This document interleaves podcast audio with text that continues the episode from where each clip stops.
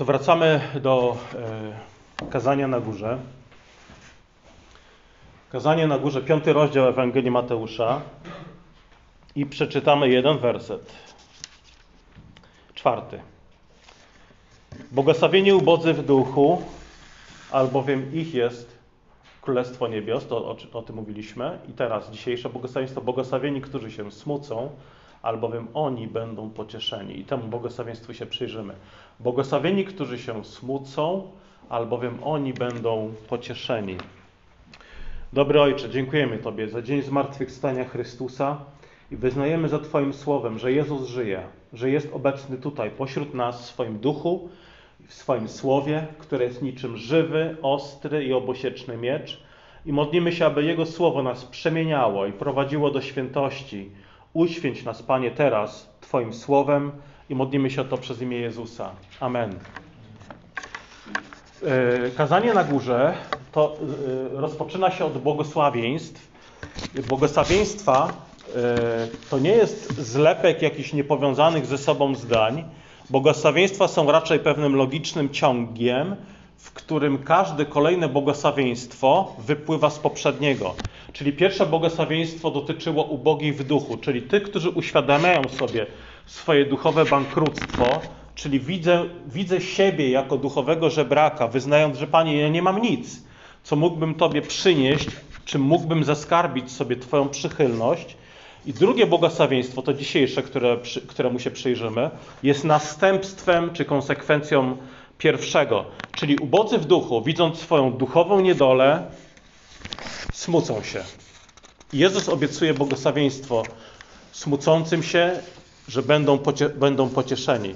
I to jest bardzo dziwne, że Pan Jezus mówi, że błogosławieni są właśnie ci, którzy się smucą. No bo przecież jak to, nie? W świecie przecież tak nie jest. Mówi się, że błogosławieni, szczęśliwi są ci, którzy się zawsze śmieją, są zdrowi, bogaci i tak dalej. Świat zachęca nas właśnie do tego, żebyśmy nie myśleli za wiele, na przykład o naszej więzi z Bogiem. Świat zachęca nas, żebyśmy nie myśleli za wiele o tym, skąd my tu w ogóle się wzięliśmy, dokąd zmierzamy, czemu bywa nam źle w życiu, czemu w ogóle umieramy, czemu się rodzimy i umieramy. Świat takich pytań y, nie chce, żeby, żeby, żebyśmy zadawali, a kiedy, kiedy w świecie słyszymy odpowiedzi na te pytania, to one podążają w zupełnie jakieś inne rejony niż wskazuje je Bóg. Y,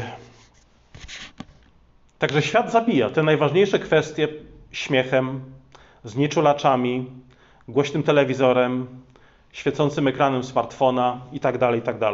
Natomiast słuchajcie, dla nas, dla ludzi wierzących, pewien rodzaj smutku powinien być sprawą ważną. Nie po to, żebyśmy popadli w rozpacz, żebyśmy się pognębiali, ale po to, żebyśmy doszli do, tego drugiej, do tej drugiej części tego błogosławieństwa, abyśmy zostali prawdziwie i trwale pocieszeni. Czyli zobaczcie, że ta obietnica trwałego trwałej pociechy, ona wiedzie poprzez ten Boży smutek, o którym dzisiaj, o którym dzisiaj powiemy. Yy, czyli człowiek wierzący to jest ktoś, kto zdaje sobie sprawę, jestem grzesznikiem, jestem ubogi w duchu, jestem duchowym żebrakiem i to prowadzi go do smutku. Czyli zwróćcie uwagę, że kontekstem błogos tego błogosławieństwa, jak i każdego innego, kontekstem jest Twoja więź z Bogiem. Tak jak mówiliśmy o Y, ubogich w duchu, że tu nie chodzi o tych, którzy, którzy są ubodzy materialnie, chociaż im też powinniśmy nieść pomoc i wszelką pociechę, ale przede wszystkim kontekstem jest tutaj duchowe ubóstwo. Jezus mówi ubodzy w duchu, a nie ubodzy ekonomicznie. Tak samo tutaj. Nie chodzi o smutek z powodu tego, że nie masz wymarzonego samochodu, z powodu tego, że smucisz się no, realnym, realnym problemem, nie wiem, choroba dziecka, strata pracy, Przede wszystkim Jezus obiecuje tu pocieszenie tym, którzy smucą się z powodu obecności grzechu w ich życiu, z powodu tego, że zasmucasz swoim grzechem Pana Boga. I to przyłożenie do nas tych Bożych standardów powinno powodować nas smutek, który z kolei nie jest krańcem, nie jest końcem wędrówki. Jest drogą do prawdziwej i trwałej pociechy. W księdze Izajasza y, w szóstym rozdziale, w pierwszym wersecie i dalej, mamy wizję y, Pana Boga, której doświadczył Izajasz. I czytamy, że w roku śmierci króla Uzjasza widziałem Pana siedzącego na tronie wysokim i wyniosłym, a kraj jego szaty wypełniał świątynię. Jego orszak stanowiły serafy, z których każdy miał po sześć skrzydeł, dwoma zakrywał swoją twarz, dwoma zakrywał swoje nogi i na dwóch latał. I jeden wołał do drugiego: Święty, święty, święty jest Pan zastępów. Pełna jest wszystka ziemia chwały Jego. I zatrzęsły się w posadach progi w posadach od tego potężnego głosu, a przybytek napełnił się dymem. I teraz Izajasz, widząc tą Bożą chwałę, odpowiada: Panie, mówi, rzekłem, biada mi. Zginąłem, bo jestem człowiekiem nieczystych warg. I mieszkam pośród ludu nieczystych warg, gdyż moje oczy widziały króla Pana zastępów. Czyli jeżeli stykasz się z Panem Bogiem, doświadczasz Jego obecności w Jego słowie, Powinieneś widzieć to, co Izajasz. Panie, jestem człowiekiem nieczystych warg. Potrzebuję oczyszczenia i prawdziwej, prawdziwego, prawdziwej pociechy. I zwróćcie uwagę, że Jezus tutaj, kiedy mówi o smutku i prawdziwym pocieszeniu, nie obiecuje prawdziwego pocieszenia dla wszystkich form zmartwienia.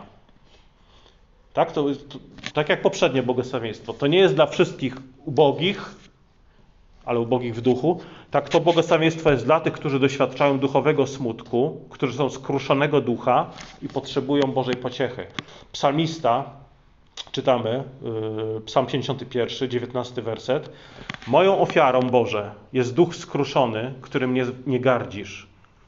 Boże, sercem pokornym i skruszonym nie wzgardzisz. Pokornym i skruszonym. Bóg przyjmuje skruszone serce. I taki człowiek, który ma skruszone serce z powodu grzechu, on widzi konflikt. Słuchaj, jeżeli jesteś człowiekiem wierzącym, powinieneś widzieć konflikt w swoim życiu. Pomiędzy tym, czego pragnie Bóg, a pomiędzy tym, do czego cię ciągnie ciało. Apostoł Paweł widział ten konflikt w swoim życiu. W siódmym rozdziale listu do Rzymian o tym mówi. Mówi, nieszczęsny ja człowiek, któż mnie wyzwoli z tego ciała, które wiedzie ku śmierci? Dzięki niech będą Bogu przez Jezusa Chrystusa naszego Pana. On widział ten konflikt, on nawet mówił, czynię nie, czynię nie to, co chcę, ale to, do czego ciągnie mnie czasami ciało, nie? Człowiek wierzący doświadcza tej, tej rozterki, tego smutku czy konfliktu pomiędzy tym, czego pragniesz, czego pragniesz co, o czym wiesz, że jest dobre, a do czego cię może ciągnie grzech.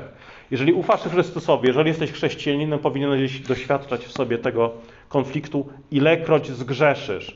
Słuchajcie, jeżeli zgrzeszycie, jest źródło przebaczenia. To jeszcze niektórzy mówią, jeżeli zgrzeszyłem, a to chyba nie jestem wierzący. No nie. Najgo właśnie najgorszym objawem stygnięcia naszej wiary jest nieczułość na grzech.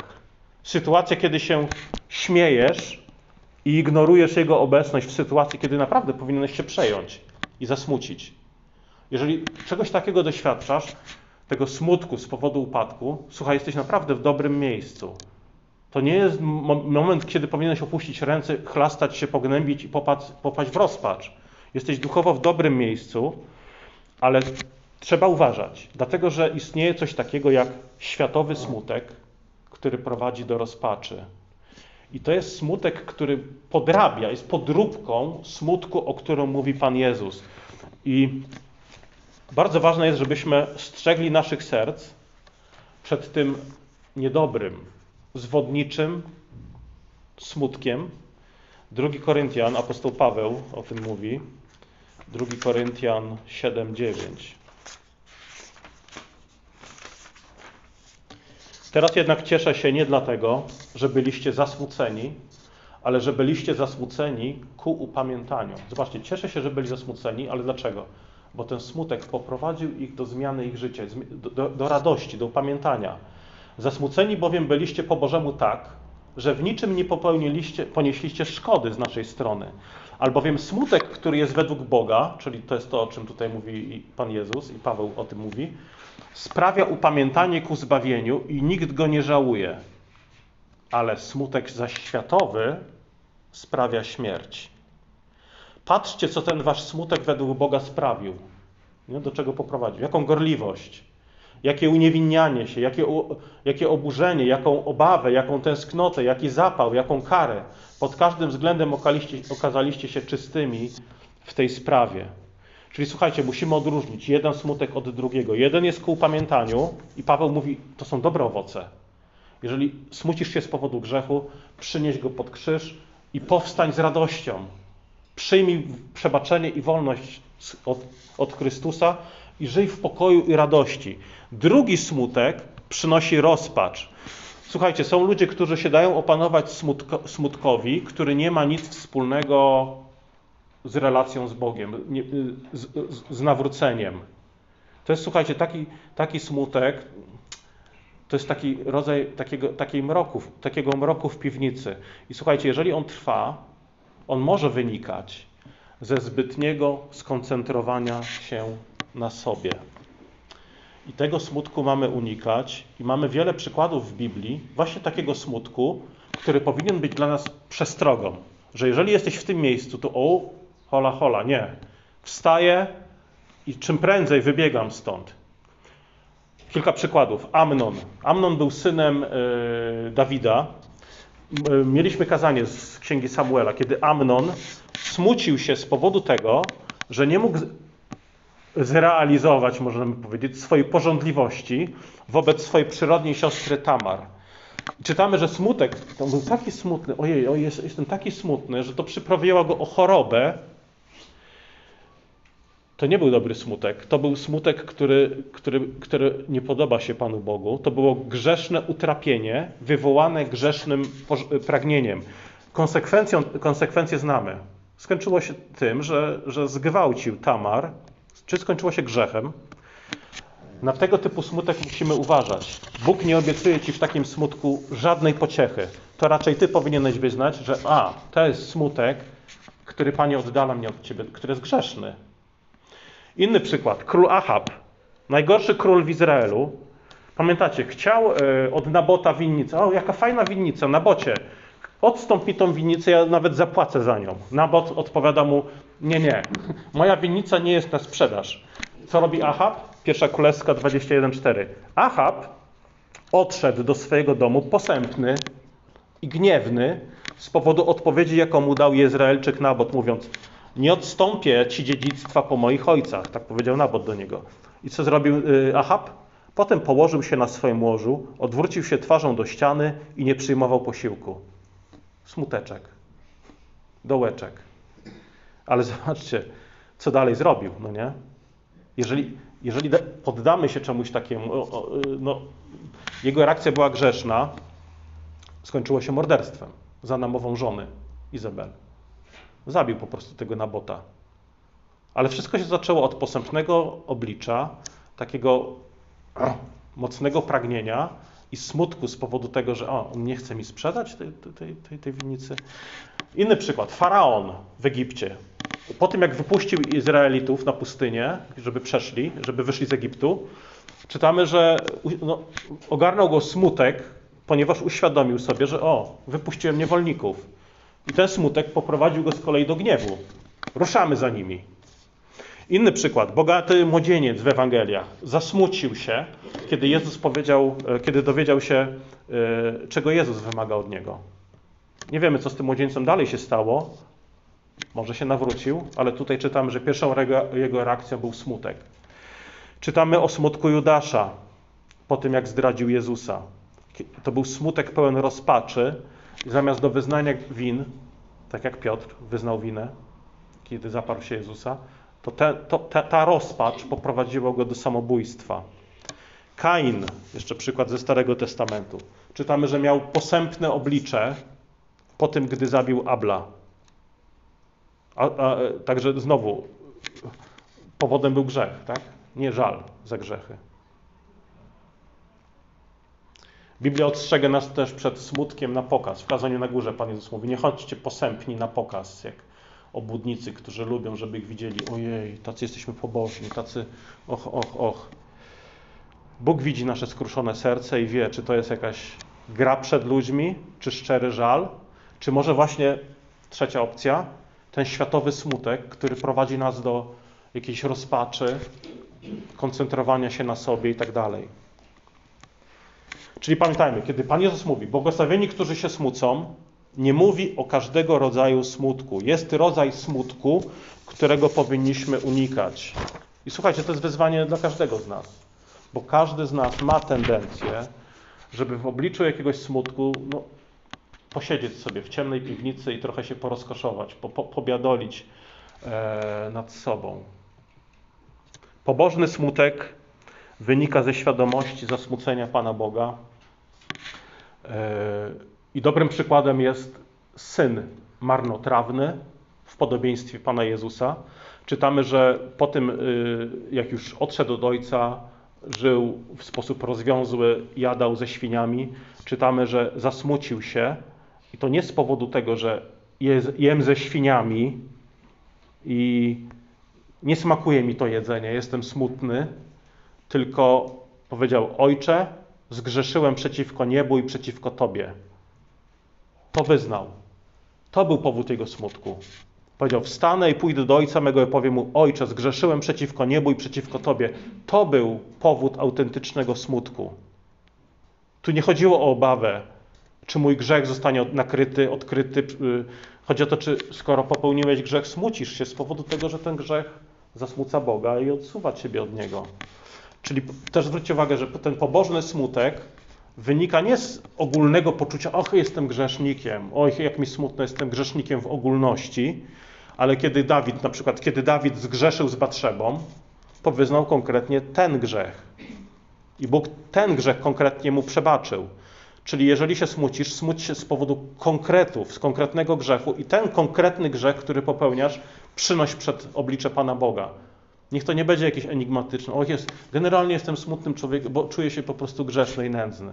No nie. To nie ma być, to, to nie jest postawa wierzącego człowieka. Czyli zobaczcie, pierwszym zagrożeniem jest smutek światowy, który prowadzi do rozpaczy.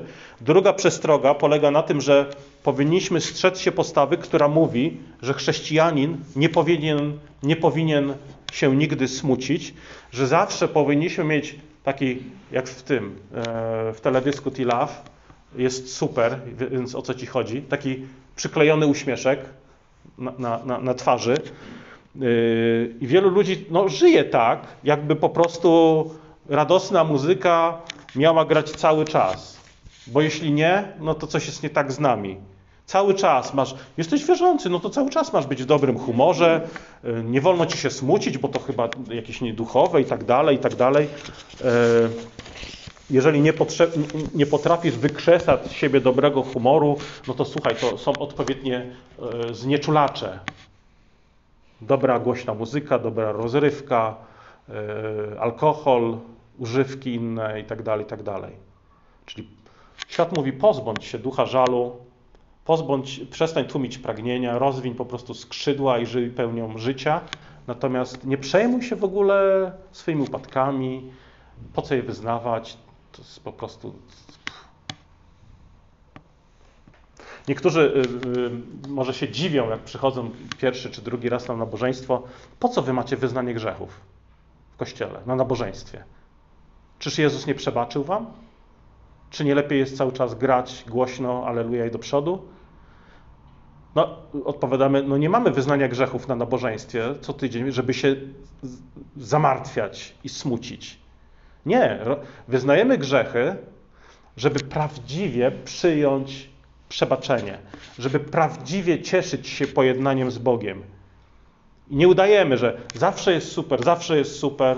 Moją rolą jako pastora nie jest mówienie wam, jesteście super. No wi wiadomo, że jesteście, jesteście super, jesteście wyjątkowi, jesteście cennymi ludźmi, ale słuchajcie, grzeszymy, tak? I dlatego powinniśmy robić porządki na bieżąco, tak jak sprzątanie czy odkurzanie w domu, na bieżąco. Czyli wyznanie grzechów, po którym Bóg z kolan podnosi nas, jest, to jest niesamowity komfort. Ja znam świadectwo, słuchajcie, pani jednej, która się nawróciła i dołączyła do jednego z naszych kościołów w Stanach.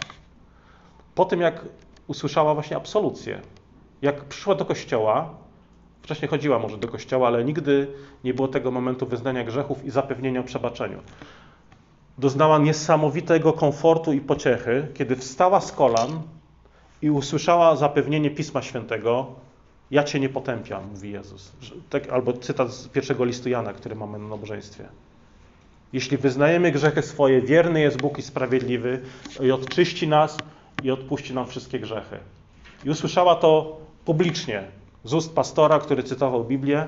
Po prostu nie wiem, czy się palały jej łzy, ale po prostu doświadczyła ogromnego pociechy, pociechy i pokoju. Ale droga do tego wiodła, można powiedzieć, przez smutek, przez wyznanie grzechów.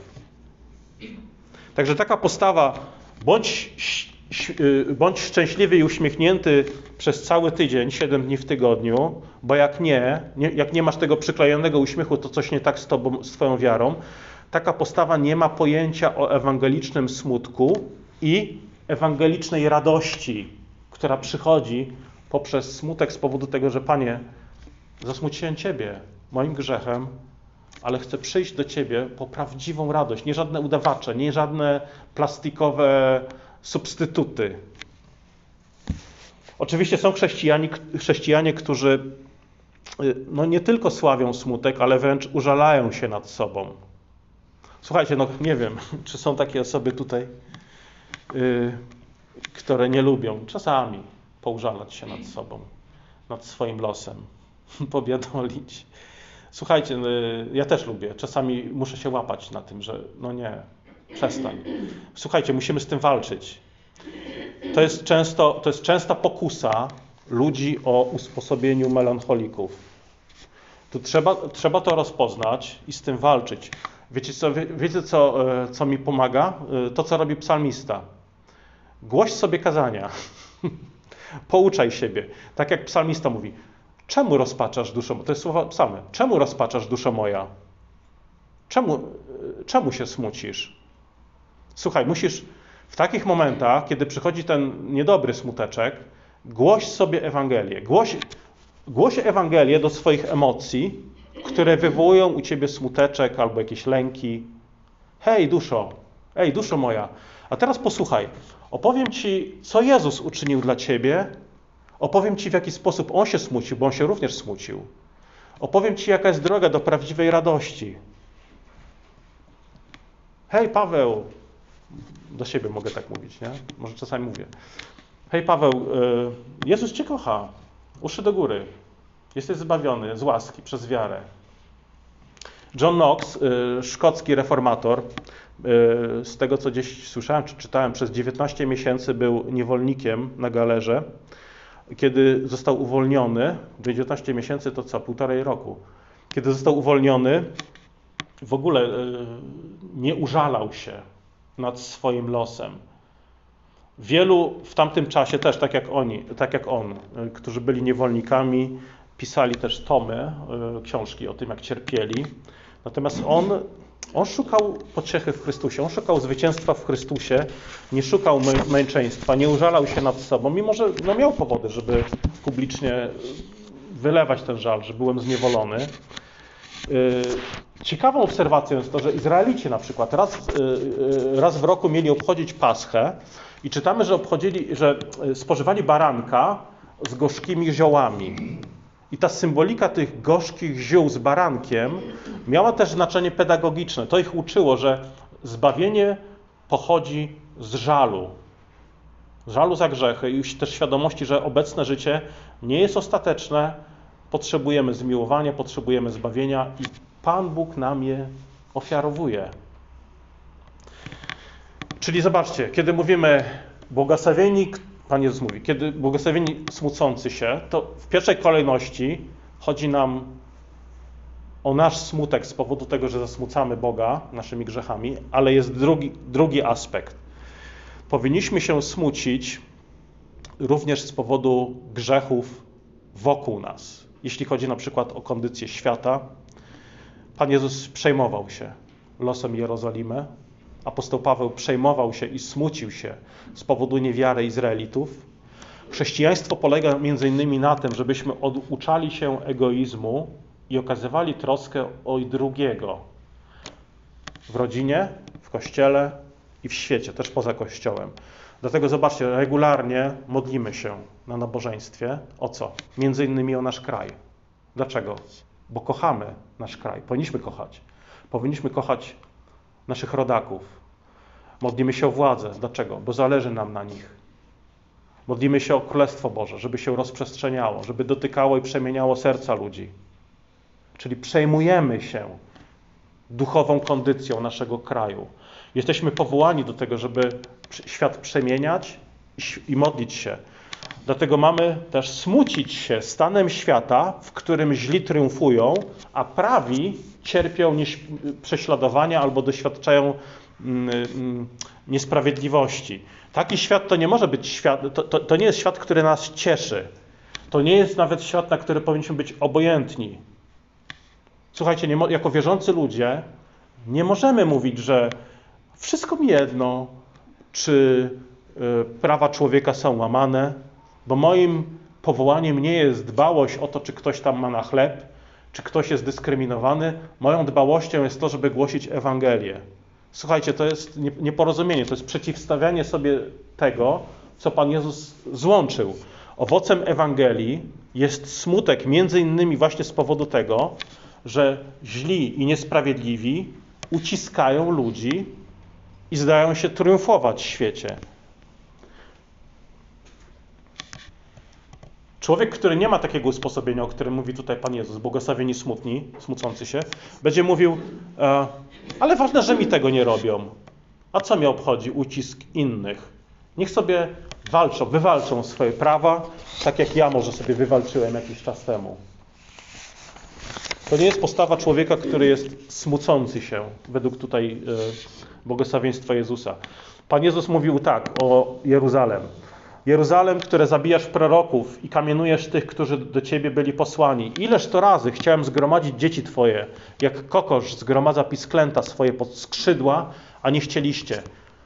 Spojrzał na miasto, zasmucił się i wypowiedział te słowa. Dlatego słuchajcie, nie powinien nam być obojętny los naszego kraju, Twoich bliskich, naszych rodaków, duchowy stan Polski.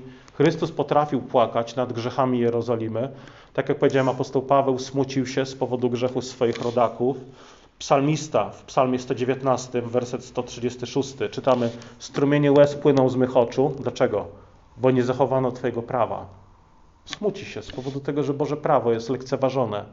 Lot smucił się widząc bezbożność w postępowaniu mieszkańców Sodomy i Gomory. Druga, 2 Piotra 2,6. Miasta Sodomy i Gomory Pan Bóg spalił do cna i na zagładę skazał jako przykład dla tych, którzy mieli wieść życie bezbożne. Natomiast wyrwał sprawiedliwego Lota, i teraz zobaczcie, jak, jak jest on opisany, utręczonego, udręczonego przez rozpustne postępowanie bezbożników, gdyż sprawiedliwy ten, mieszkając między nimi, widział bezbożne ich uczynki, słyszał o nich i co robił? I trapił się tym dzień w dzień w prawej duszy swojej. To nie było mu obojętne. On się tym trapił, był udręczony. Nie mówił, jestem, jestem libertarianinem, mają wolność, niech po prostu robią co chcą. On był udręczony ich grzechami. Człowiek wierzący jest udręczony grzechami swoimi i cudzymi. I to jest różnica, słuchajcie, pomiędzy człowiekiem wierzącym a świeckim konserwatystą. Dla chrześcijanina grzech, również w kulturze, to jest powód do smutku. Że chcemy nieść światło Ewangelii, żeby ludzie poznali prawdziwe przebaczenie i radość.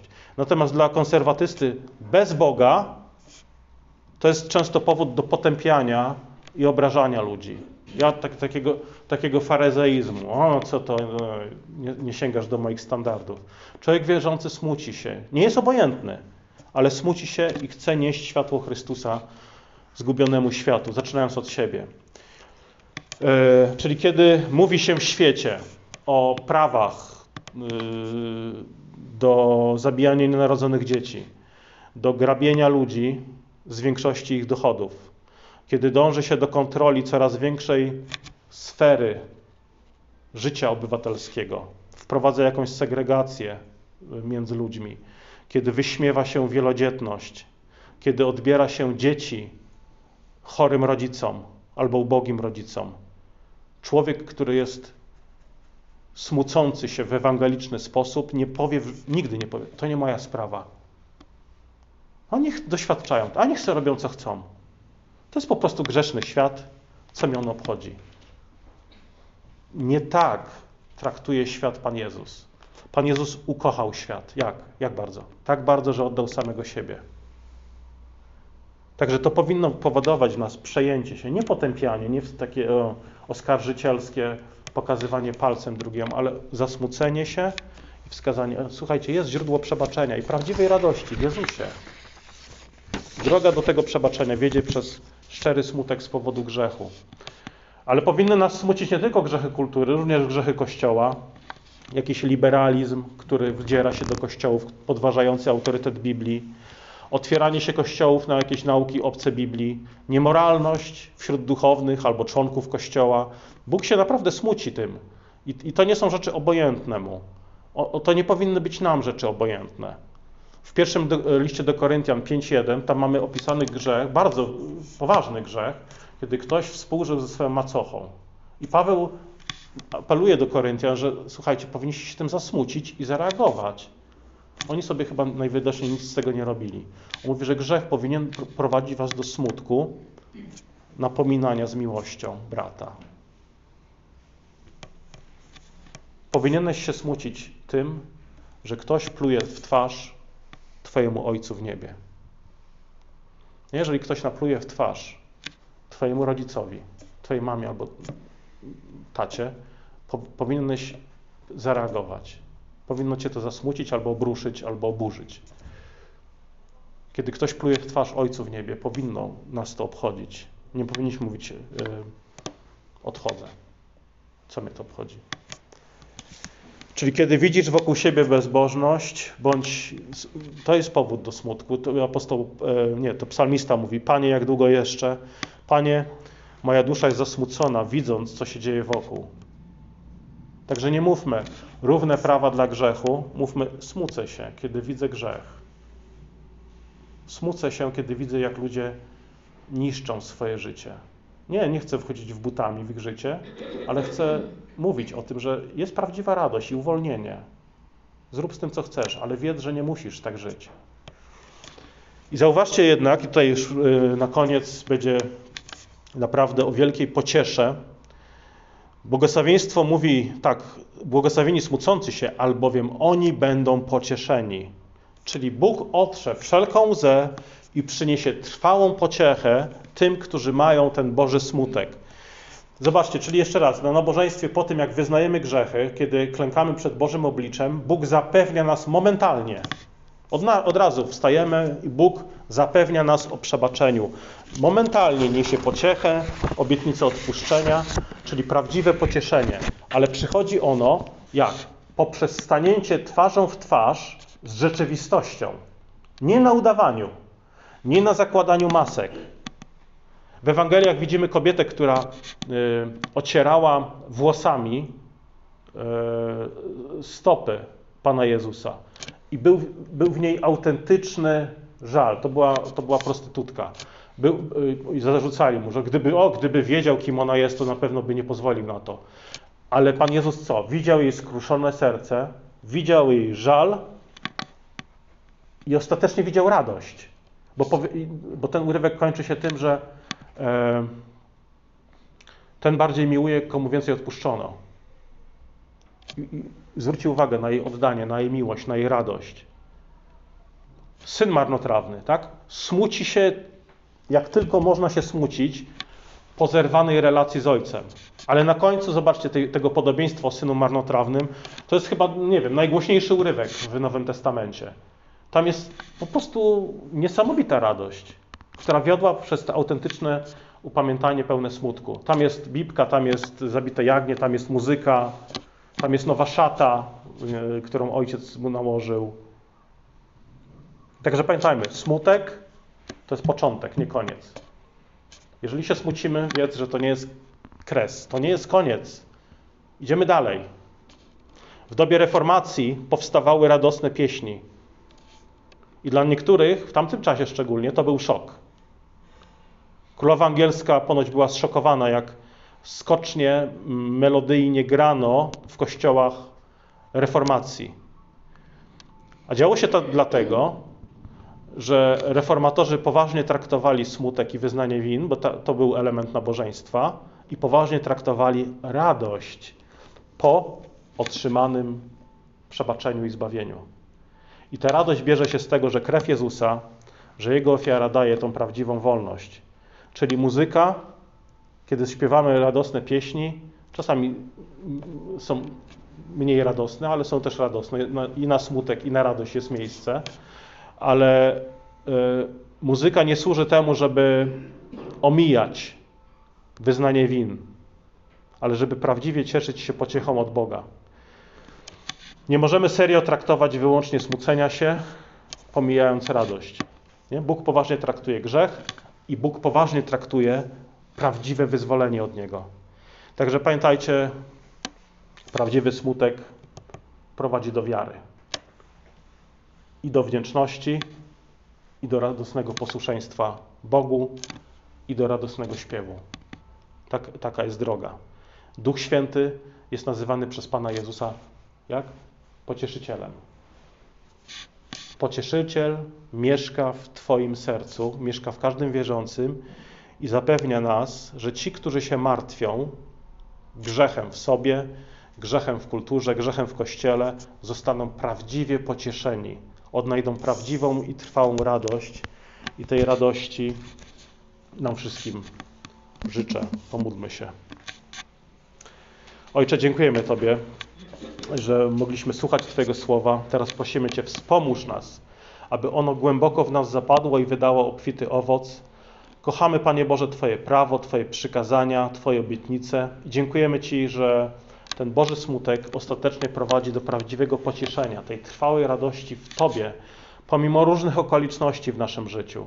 Panie, chroń nas też od takiego smutku światowego, którego przykłady też mamy w Biblii, który prowadzi do braku nadziei, rozpaczy albo nawet grzechu. Prosimy Cię, abyśmy nie przesiadywali w, tej, w tych, tych ciemnych piwnicach, skoncentrowani na sobie, ale też abyśmy sobie samym głosili Twoje słowo, głosili pociechę płynącą, czy to z psalmów, czy zapewnień Ewangelii, że ci, którzy zaufali Jezusowi, są bezpieczni, są chronieni. Ty, Ojcze, masz staranie o każdego z nas. I za to Ci, Panie, dziękujemy, za to Cię, Panie, chwalimy. Amen.